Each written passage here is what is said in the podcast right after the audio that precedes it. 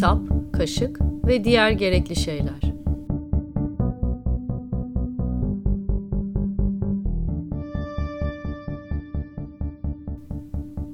Hazırlayan ve sunan Sanem Sirer.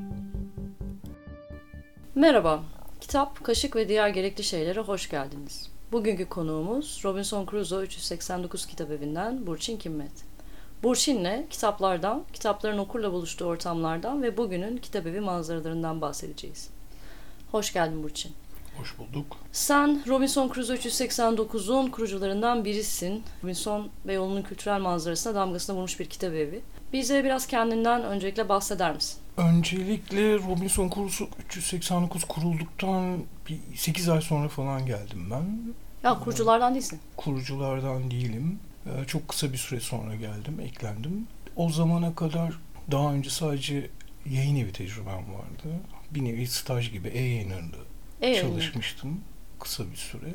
Sonra bir aracılıkla Robinson Crusoe kitap evindekilerle tanıştım. Yıl kaçtı o zaman? 1995. 95. 94 Eylül'ünde kuruldu Robinson Crusoe kitap evi. 17 Eylül 1994'te.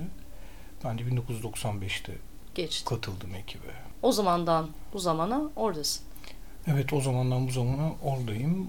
O dönemle kıyasladığında nasıl görüyorsun şimdiyi mesela? Yani bu çok geniş bir soru biliyorum ama o zamanın gerçekliği nasıldı? Mesela ben benim için bir okur olarak Robinson açıldığında çok heyecanlandığımı hatırlıyorum. O zamanlar ben lise öğrencisiydim. Büyük bir coşku uyandıran bir yer olmuştu. Bir kere öyle bir kitabevi görmemiştik. Mimarisi olsun, konumu olsun, her anlamda İstiklal Caddesi'nin de biraz daha farklı bir kültürel anlamda yeri olduğu bir dönemdi sanıyorum 90'lar. Doğru. Aslında o dönemle ilgili en e, temel hatırladığım şey şu mesela. Robinson Crusoe Kitabevi'nin bulunduğu bölge yani tünelle Galatasaray arası bölge e, ilk olarak çok yadırganmıştı. Çünkü o dönem sektörün önde gelenleri yayıncılar ve kitapçılar caddenin bu kısmında böyle bir kitap evinin iş yapmayacağını, yürümeyeceğini düşünüyorlardı. Neden? Issızdı biraz sanki o taraf. Issızdı. Yani biz açıldıktan sonra da birkaç sene hani belli bir saatten sonra insan trafiği açısından düşünürsek Galatasaray'dan ötesi birazcık daha ıssızlaşırdı. Görece oradaki mekanlar, dükkanlar İstiklal'in birazcık daha geçmişinden gelme o eski tarz konfeksiyoncular, kürkçüler vesairenin yoğun olduğu bir bölgeydi. Ee, sanki caddenin Galatasaray'la Taksim Meydanı tarafı daha işlekti.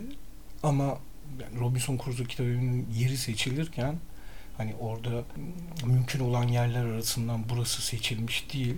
Ee, gerçekten mekan ararken bizimkiler bakmışlar. Bizim dükkana çaprazdan o iş bankasının olduğu taraftan bakmışlar, bakmışlar, bakmışlar ve demişler ki bu dükkan burada olur. Önceden ne varmış? Orada bir önceki şeyi bir duvar kağıtçısı varmış Hı. orada. Zaten bizimkiler bir 10 kat, 20 kat falan duvar kağıdı sökmüşler duvarlardan. Ama o bina aslında şey Avusturya Bankası'ymış. Sanıyorum Hollanda konsolosluğunun müştemilatı olarak yapılmış bir bina. Sonradan Hollanda'da bir takım sıkıntılar çıktığı zaman satışa çıkartmışlar. Avusturya Bankası almış bir süre Avusturya Bankası'ymış. Sonra başka birileri satın almış. Şimdiki mal sahibi satın almış. O dönem şöyle bir şey var. Kitapçılık açısından daha çok Beyoğlu'ndan çok kitapçılık açısından şeyi düşünüyorum. Evet e, Robinson Crusoe kitabı açılırken ki temel çıkış noktası orayı kuran insanların kendilerinin de gitmek isteyecekleri tarzda bir kitap evinin kurmak istemeleri. Dolayısıyla Robinson Crusoe o dönem için tasarımı vesairesi falan bir tarafa bırakılırsa içeriği açısından da o dönemki kitap evlerinden biraz farklı. Çünkü birkaç tane teknik örneği olsa bile o dönem kitapçılık açısından ben kitap kitap evlerini çok gezdiğim için o dönemler net hatırlıyorum. Sen de hatırlarsın. Kitap evlerinde kitaplar yayın evlerine göre dizilirdi. Hala Evet. o aşk alışkanlığını devam ettiren yerler bile var. Ee, belli bir takım tarzda kitaplar bulunurdu. Ee, sanki bazı tür kitaplar bazı daha özel, spesifik kitap evlerinin işiymiş gibi davranırdı genelde kitapçılar. Ama Robinson Crusoe kitap evinde işte kitapları türlere göre ayır, ayrılması, işte bildiğim kadarıyla Türkiye ile ilgili kitapları, İstanbul'la ilgili kitapları ayrı ayrı e, sergileyen ilk biz olduk. İşte kitapları yazarların soyadına göre sınıflandır vesaire gibi böyle bir takım hani kitapçılık açısından diğer kitap evlerindeki pratiklerle den farklı olan bir takım özellikleri vardı. Ama en büyük yani bir kitap evinin en büyük özelliği de şudur. Bir, orayı yapan insanlar, onların birikimi, altyapısı vesaire. İki, oraya gelip giden, oranın müdavimi olan insanlar. Okur yani. Okur. Üçüncüsü de kitaplar. Yani bu üçünün bir araya gelmesiyle bir kitap evi oluşuyor ve onu oturtmak için de her zaman için bir vakit gerekiyor. Robinson Crusoe dediğin gibi daha ilk açıldığı zamanlardan yani hemen ilk açıldığı zamanlarda bile büyük ilgi görmüş bir yer. Çünkü muhtemelen insanların da öyle bir beklentisi vardı. Dolayısıyla kısa sürede işte hani kendi okur kitlesini yaratmış. Ondan sonra da giderek artan sayıda kitabıyla tabii ki belli bir yer edinmişti. O zaman 95, 94'ten 2018, e, şu anda 2018'in son günlerindeyiz. Evet. 94'ten hesaplar ise 24 yıl. Yani bir dahaki sene 17 Eylül 2019'da 25. yılını kutlayacak. Bağımsız bir kitap evi için çok çok güzel. Çok güzel bir şey bu. Evet. Yani bir yandan güzel, bir yandan tabii biz kitap evini sadece bizim kitap evimiz olarak görmediğimiz için şöyle bir şey var tabii ki. O caddedeki yer bizim için önemliydi bir yandan. Çünkü biz aynı zamanda bunun Beyoğlu'na da katkısı olan bir şey olduğunu düşünüyorduk. Evet. Yani şehrin dokusuna Evet. katılacak bir şeydi aslında o. Ama sonuçta Beyoğlu'nun fiziksel koşulları nedeniyle orada devam edemedik. 2014'ten beri orada değiliz. Üzerine bir şanssızlık daha yaşadık. Bir kez daha taşınmak zorunda kaldık. Şimdi artık yeni yerimizde devam ediyoruz. Yine cadde üzerinde. Evet, salt binasının içindeyiz. İlk salt binasına taşındığım zaman dördüncü kattaydık. Evet. Ee, salt binasında bir takım sorunlar yaşandı ve iki buçuk seneye yakın bina kapalı kaldı. Ondan sonra 2018'in Nisan ayında tekrar açıldı bina. Biz de birinci kata yerleştik bu sefer. Hı Yani daha farklı bir kitap evi oldu yapı olarak. Ama açıkçası şu anda bulunduğumuz mekan benim çok içime sinen bir mekan. İnsanların gayet rahat gelip kitap karıştırabileceği sakin bir mekan. Burada da başka türlü bir şekilde alışmış olduğumuz kitapçılığı devam ettirebileceğimizi düşünüyoruz. Okurun benimsediğini düşünüyor musun? Ya da benimsemeye başladığını? Evet yavaş yavaş onu hissediyoruz. İlk olarak Salt'a taşındığımızda da biraz vakit almıştı okurun benimseyip ayağının alışması diyelim. Çünkü her halükarda bir binanın içine girip bir kitap evine ulaşmak başka bir alışkanlık. Şimdi de herhalde öyle bir vakte ihtiyacımız vardı ama yavaş yavaş insanlar alışıyorlar. Biz de mümkün olduğunca o alışkanlığı arttırmak için elimizden geleni yapıyoruz. Bir sanat mekanını kitap eviyle bağdaştırmak nasıl bir şey sence? Artıları, eksileri açısından. En başından beri biz aslında Robinson Crusoe kitap evi olarak caddedeki yer devam ederken de bu mekanın içinde daha küçük de olsa bir Evet. yerimiz vardı. O da Salt'ın direktörlerinden Vasıf Kortu'nun öncülüğünde olmuş bir şeydi. Çünkü Salt birazcık daha benzeri olan sanat mekanlarından farklı olarak bir, bir sanat ve araştırma merkezi olarak tanımlıyorlar zaten kendilerini. Sırf böyle sergi vesaireyle falan değil, daha arka planı olan işler yapmayı amaçlayan bir kurum. Dolayısıyla diğer müze ve galeri kitap evlerindeki gibi bir takım yapılan sergiye dair işlerin olduğu sadece ya da o, onu besleyecek yan ürünlerin olduğu bir dükkandansa gerçekten ciddi bir kitap evinin olması gerektiği düşüncesindeydi. Zaten Salt'la bizim onlar daha kurulmadan önce bir işbirliğimiz vardı. En başından beri hem İstiklal Caddesi'ndeki hem Bankalar Caddesi'ndeki binalarında böyle bir yer tasarlanmıştı.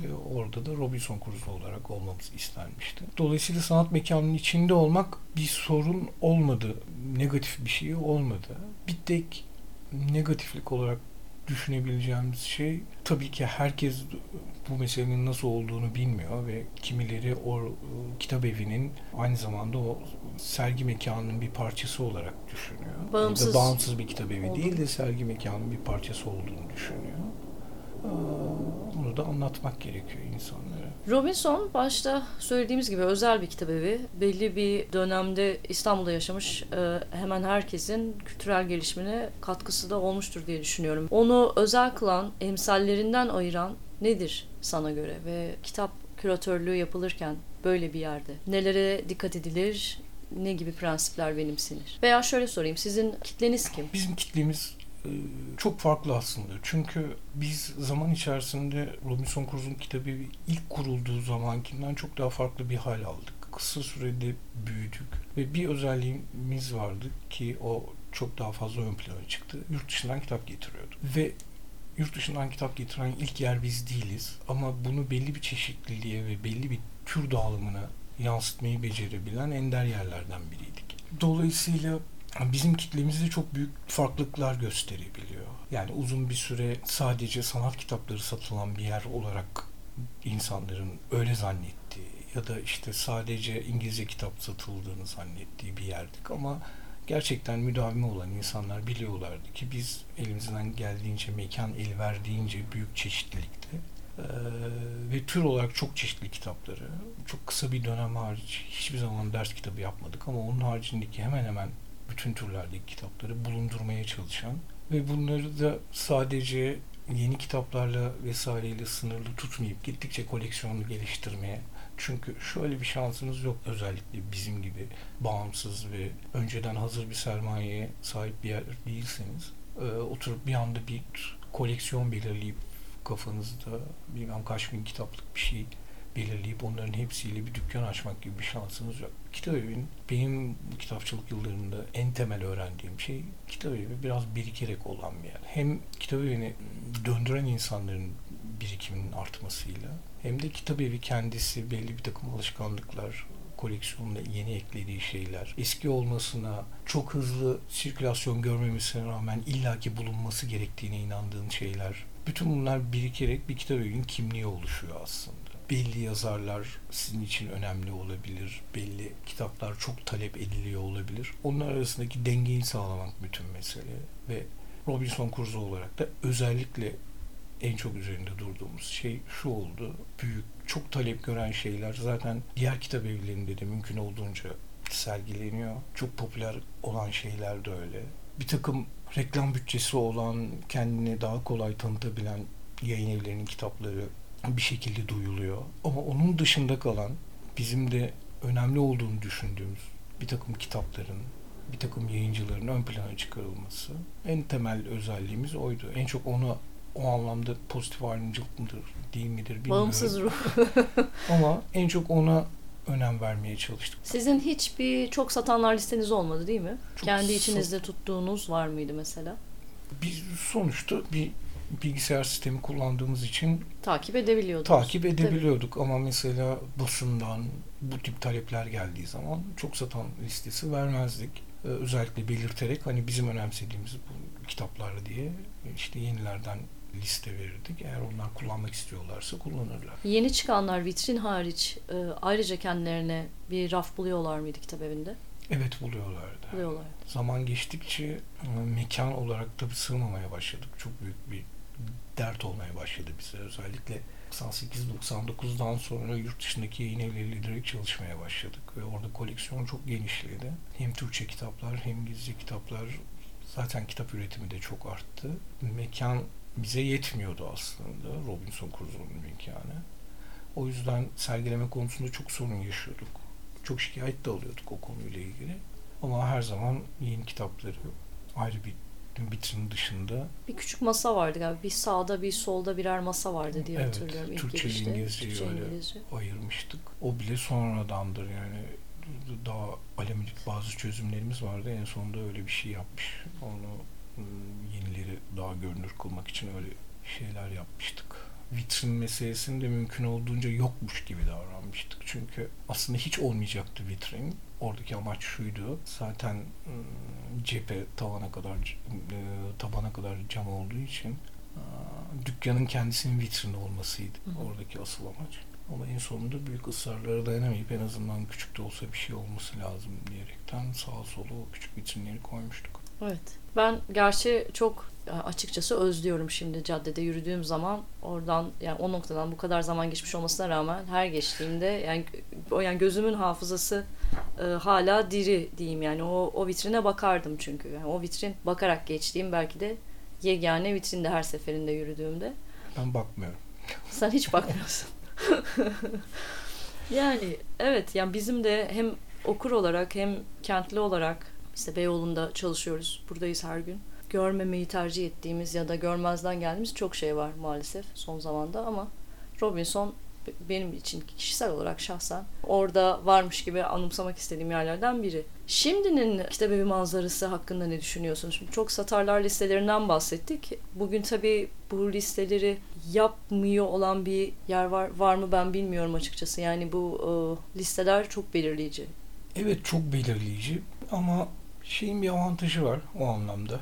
İnternet satışının bir avantajı var. Bütün bu meseleler internetten çok ölçülebilir oldu. Onlar da o internetten ölçülebilen o verilerle hareket edebiliyorlar. Ama şimdinin kitap evi manzarasında benim en çok önemsediğim şey şu. Ben 1995 yılında ilk bu işe girdiğim zaman bizim datamızda 15 bin tane falan kitap vardı. Yani şimdi herhalde 300 binin üzerinde. Şimdinin kitapçılığında en büyük dertlerden birinin bu olduğunu düşünüyorum. Üretim çok arttı.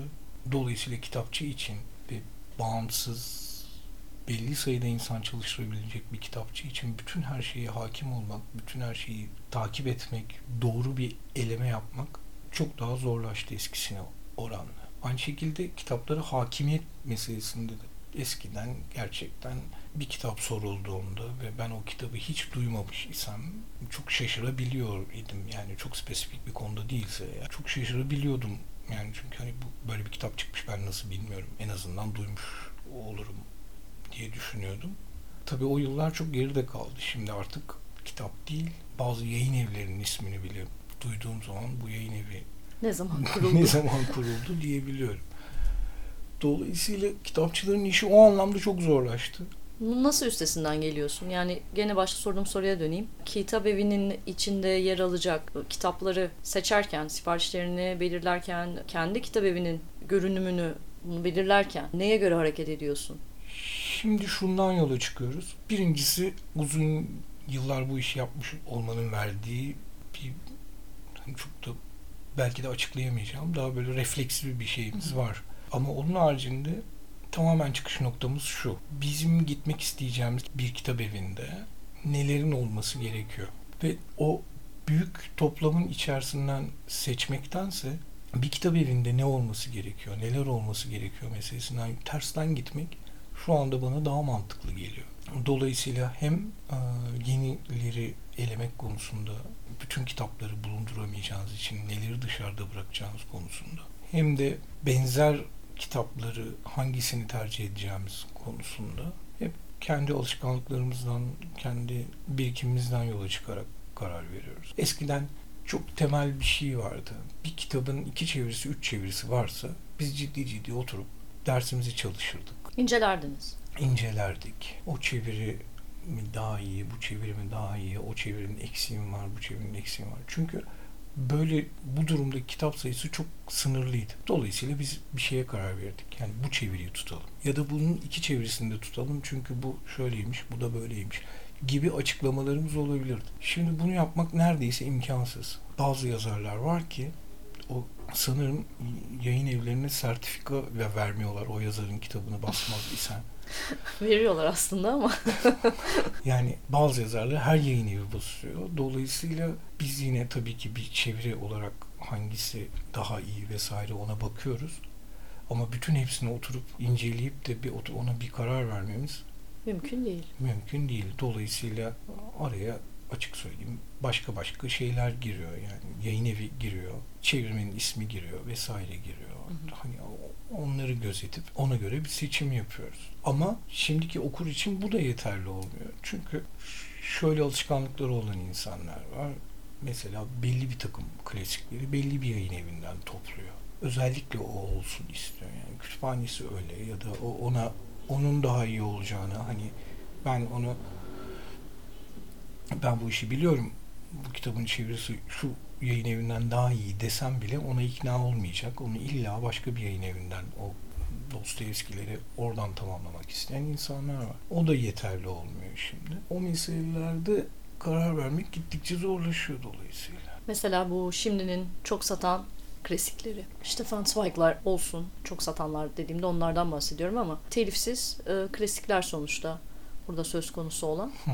e, ben yayıncı, işin yayıncı tarafında olarak gerçekten anlamakta zorluk çekiyorum ve bir kitap evinin de bunun nasıl için içinden çıktığını kestiremiyorum. Çünkü etiket fiyatının belli bir aralıkta olmasından işte çevirmenine, yayın evinin ismine, e, yayın evinin önceki e, yayınlarına vesaire yani çok çok fazla şey uzanan bir şey. Yani aynen dediğin gibi aslında yani herkesin bir neredeyse Zweig kitabı var. Sen hangi yayın evinden kitap okumayı tercih ediyorsan oradan gidip Zweig'i okuyabilirsin veya hangi çevirmeni tercih ediyorsan vesaire. Peki bu mesela önümüzdeki sene Ocak'ta çeviri olmayan telifsiz bir eser çıkacak karşımıza.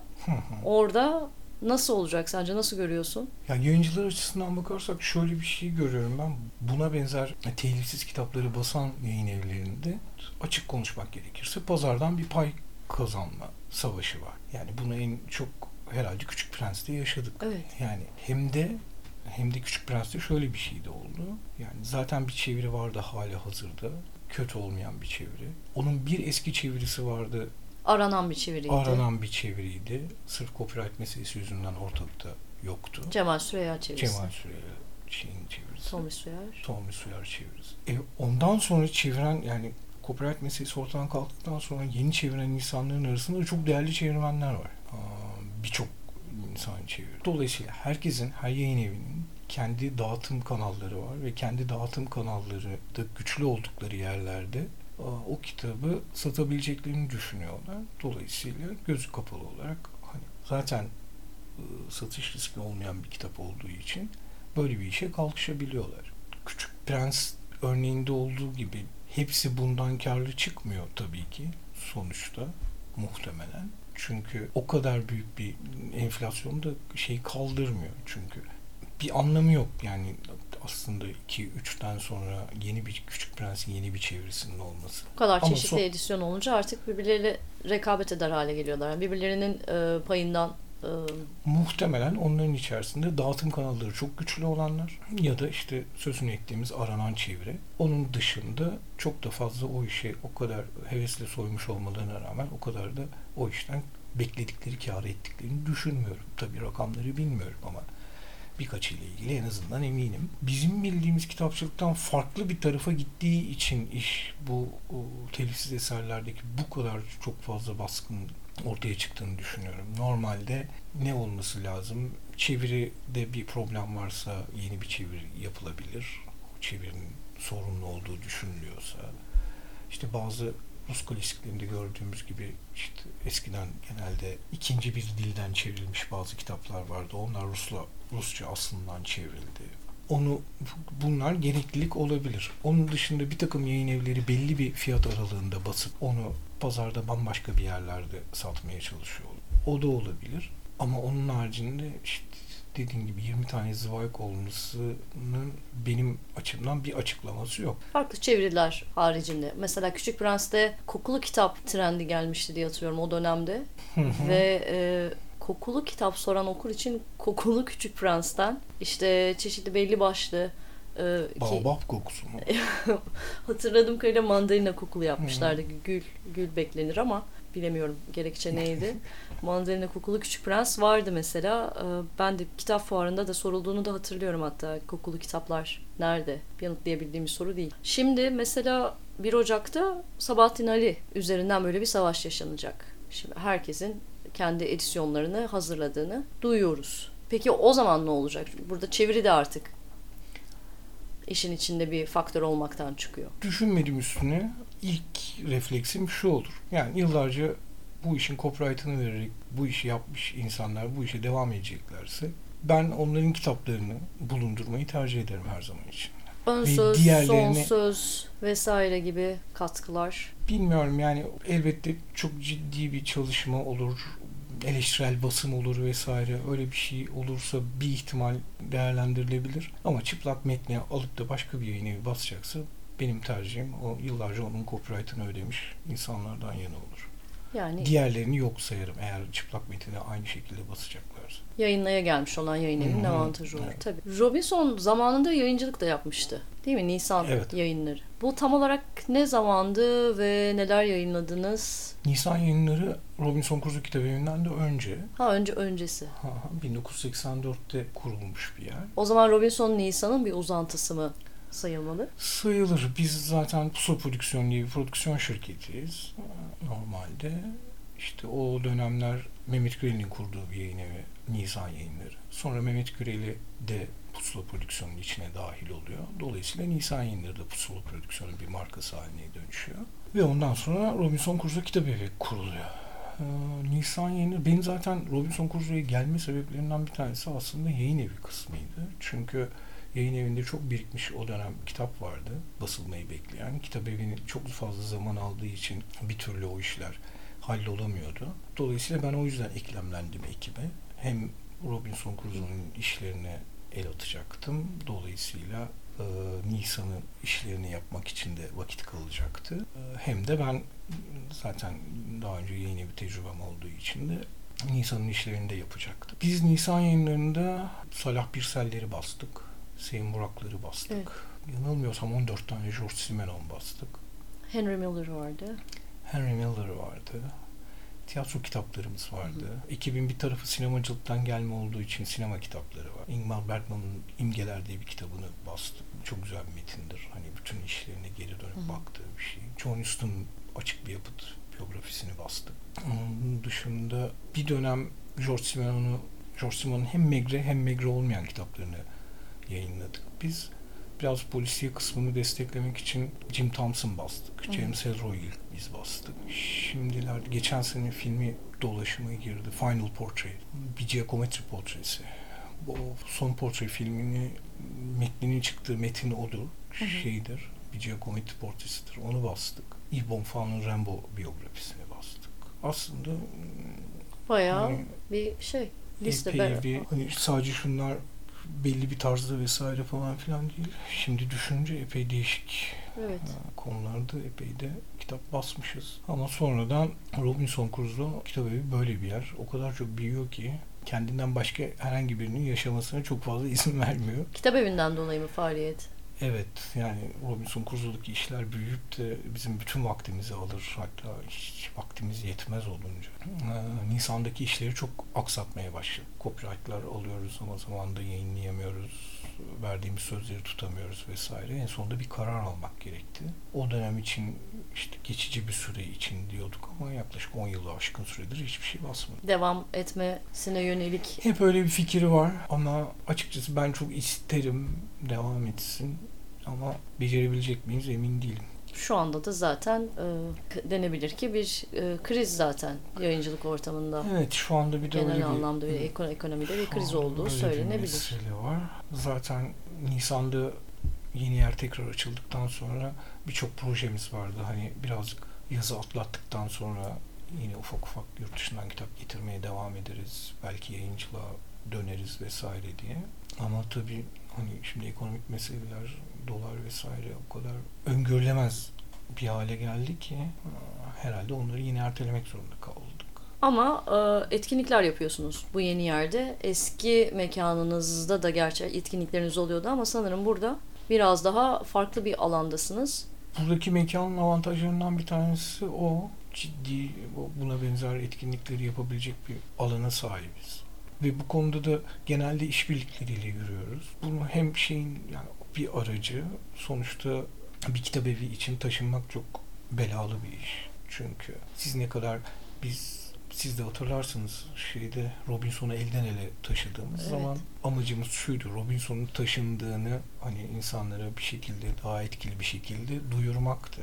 Dahil etmek bu sürece tabii. Sahiplenilmesini sağlamak. Sosyal medyanın alamet farkısı var. Bu işte o bir şekilde o etkinlik sanki Robinson'un kapanış etkinliğiymiş gibi algılandığı için. Öyle mi sence? Öyle mi algılandı? Evet çok yani öyle algılanmış sonradan anladığımız bir şey bu. Çoğu insan onu bir kapanış etkinliği olarak algılamışlar.